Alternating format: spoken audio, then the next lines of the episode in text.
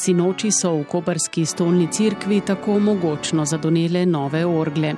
Njihova pot iz švicarske koncertne dvorane Tonhale do Kopra je trajala štiri leta. Nedobesedno. Leta 2017 smo tako prvič poročali. Švicarska delegacija je obiskala Kopersko stolnico in preverila njeno akustično in arhitekturno ustreznost. Župnija Koper je za pridobitev tega vrhunskega inštrumenta pripravila vse potrebne dokumente, od načrtov do njegove uporabe. Član projektne skupine David Tomovski. Izdelala sta jih orglarja Klojker in Steinmeier, po načrtih znanega pedagoga in pianista Žana Gijoja. So zelo uh, mogočne, so uh, koncertne, ampak lahko se uporabljajo tudi v druge namene. Ali bodo orgle podarili Kopru, bo znano na začetku prihodnega leta. In švicari so res za kraj bivanja svojih orgel izbrali Koper. A tja jih je bilo potrebno pripeljati, razstavljene sedmimi tovornjaki. Nove orgle na poti proti koperski stolnici. Bilo je leta 2018. Orgle so medtem romale na Polsko, odkudar jih bodo v naslednjih dneh z več tovornjaki pripeljali v Koper. Skupaj gre za več kot 16 ton elementov in več kot 6000 piščali, ki bodo nekaj časa shranjene na varnem. Škof Juri Bizjak, ki jih je včeraj blagoslovil, je bil pred tremi leti, ko so v Koper pripeljali piščali, presrečen. Orgle so kraljica inštrumentov, ne? tu je v bistvu cel orkester. Ne? Da je vsak organist je hkrati tudi dirigent.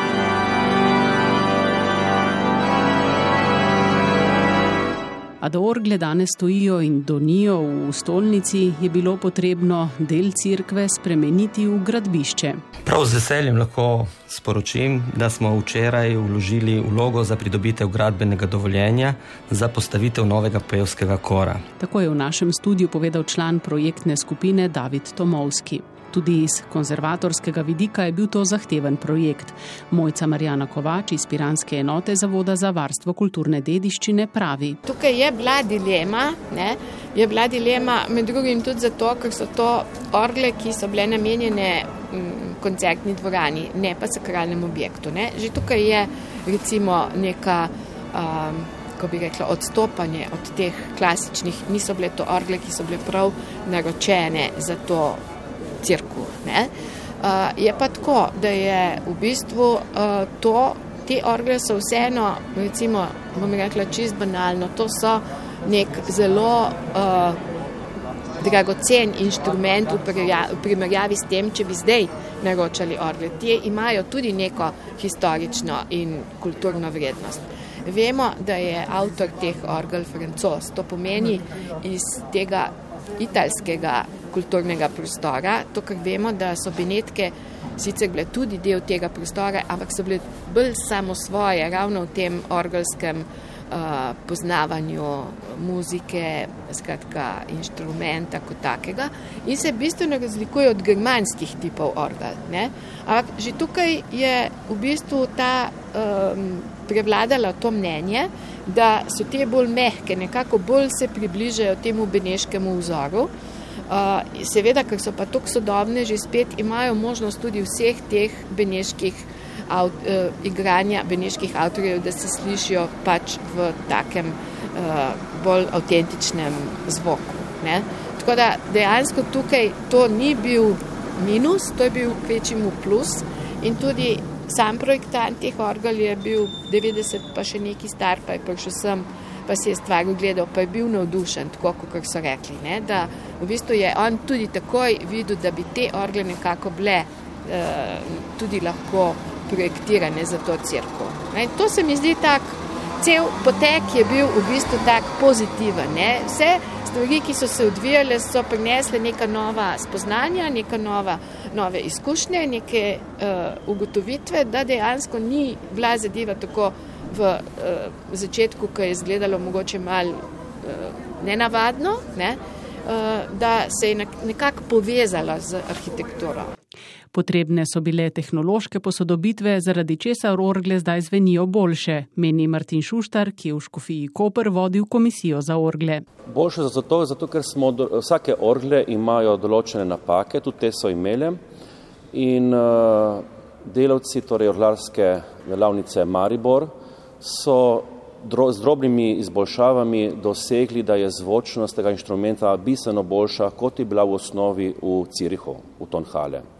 In uh, to pokaže, da lahko uh, slovenske firme več kot konkurirajo bilo kateri evropski firmi. Te orle mislim, da bodo v ponos celotni ne Sloveniji, ampak srednji Evropi. Tako da sem res vesel, kot vidite, za nami je čudovit inštrument, ki bo v prihodnih letih igral zelo pomembno vlogo na kulturnem in tudi verskem področju.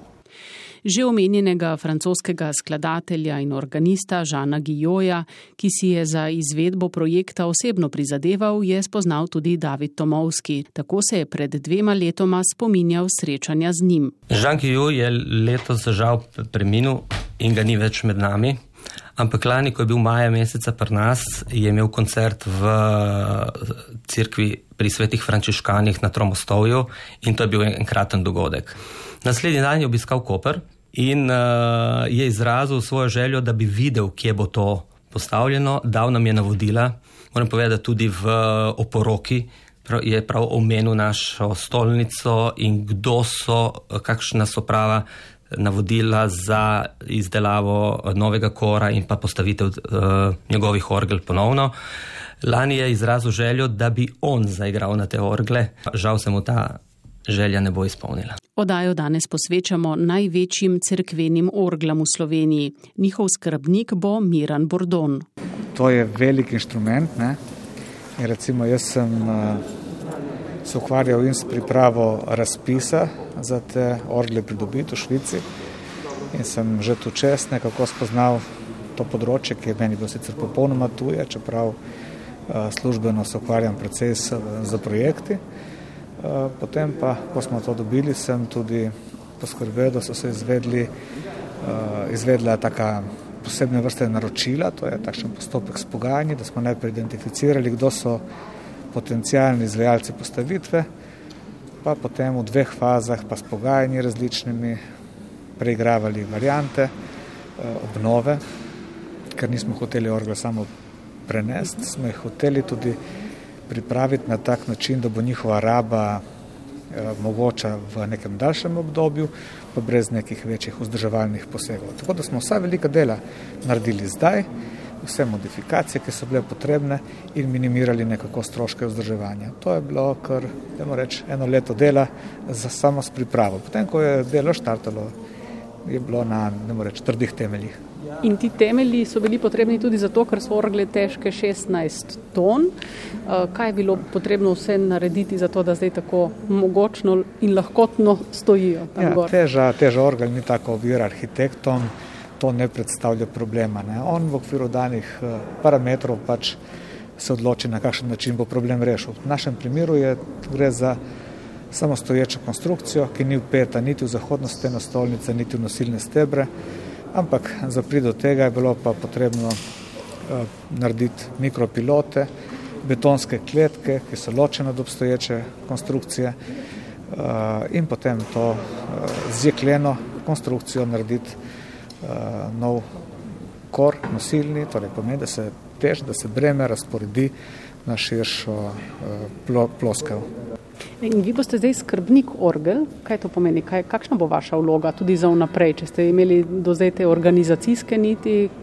To je velik inštrument, kar pomeni, da če hoče biti v dobri kondiciji, pred vsakim velikim koncertom se mora oglasiti najmanj en tip piščali, to so jezičniške piščali, ki so dosti bolj občutljive na nihanja temperature. In mi smo zdaj sklenili eh, eno pogodbo za v trajanju sedem let in načrtujemo tri taka vzdrževanja letno. Torej, ključna vloga je ta, da se poskusi in pridobiti sredstva za izvajanje teh vzdrževalnih del, da se organizira in da so orgle v odličnem stanju za vsak pomemben koncert.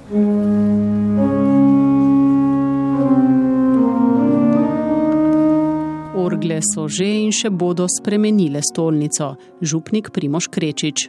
Ko so včeraj odkrili še uh, te krpačeve slike, da ta povezava med krpačem in temi orglami je res, res fantastična.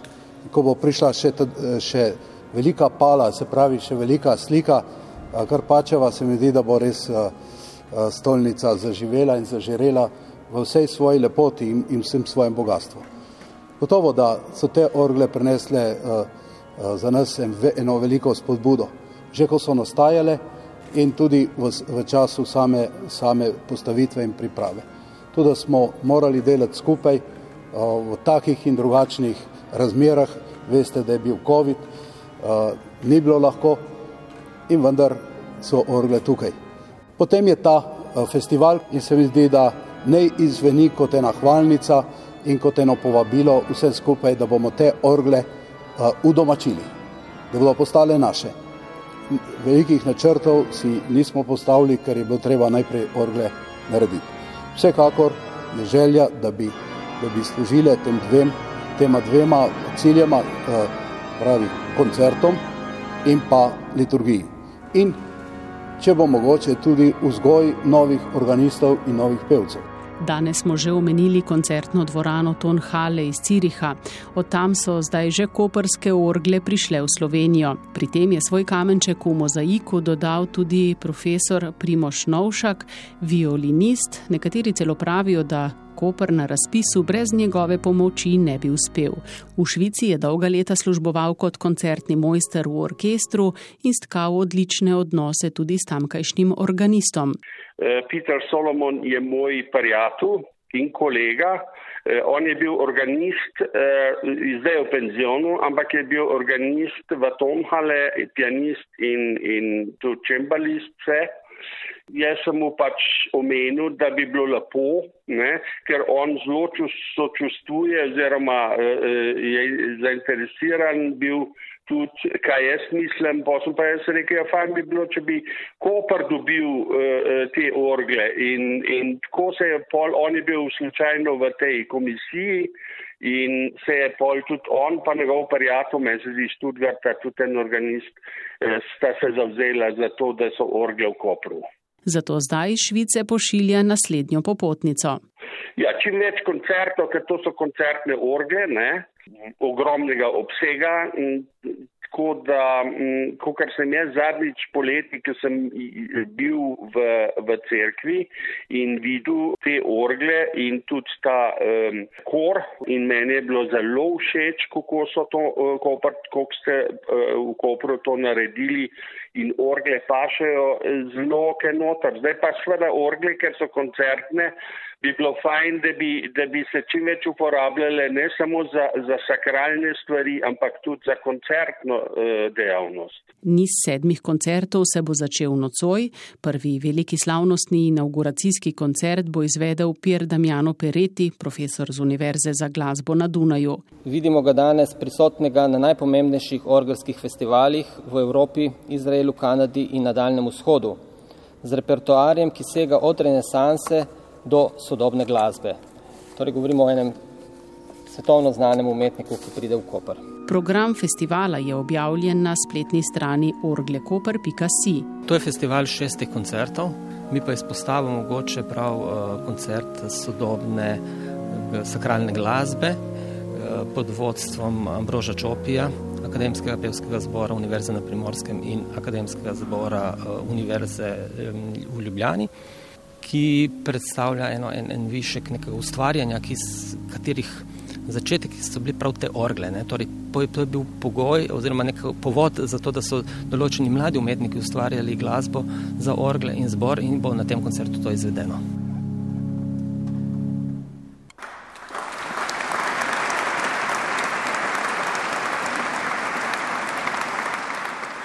To je aplaus, ki si ga je sinoči prislužil titularni organist Mirko Butkovič, ki je župniji tudi predstavil možnosti kandidiranja na razpisu za pridobitev orgel. Za orglami koperske stolnice bo najmanj enkrat mesečno, sodeloval pa bo tudi pri organizaciji dogodkov.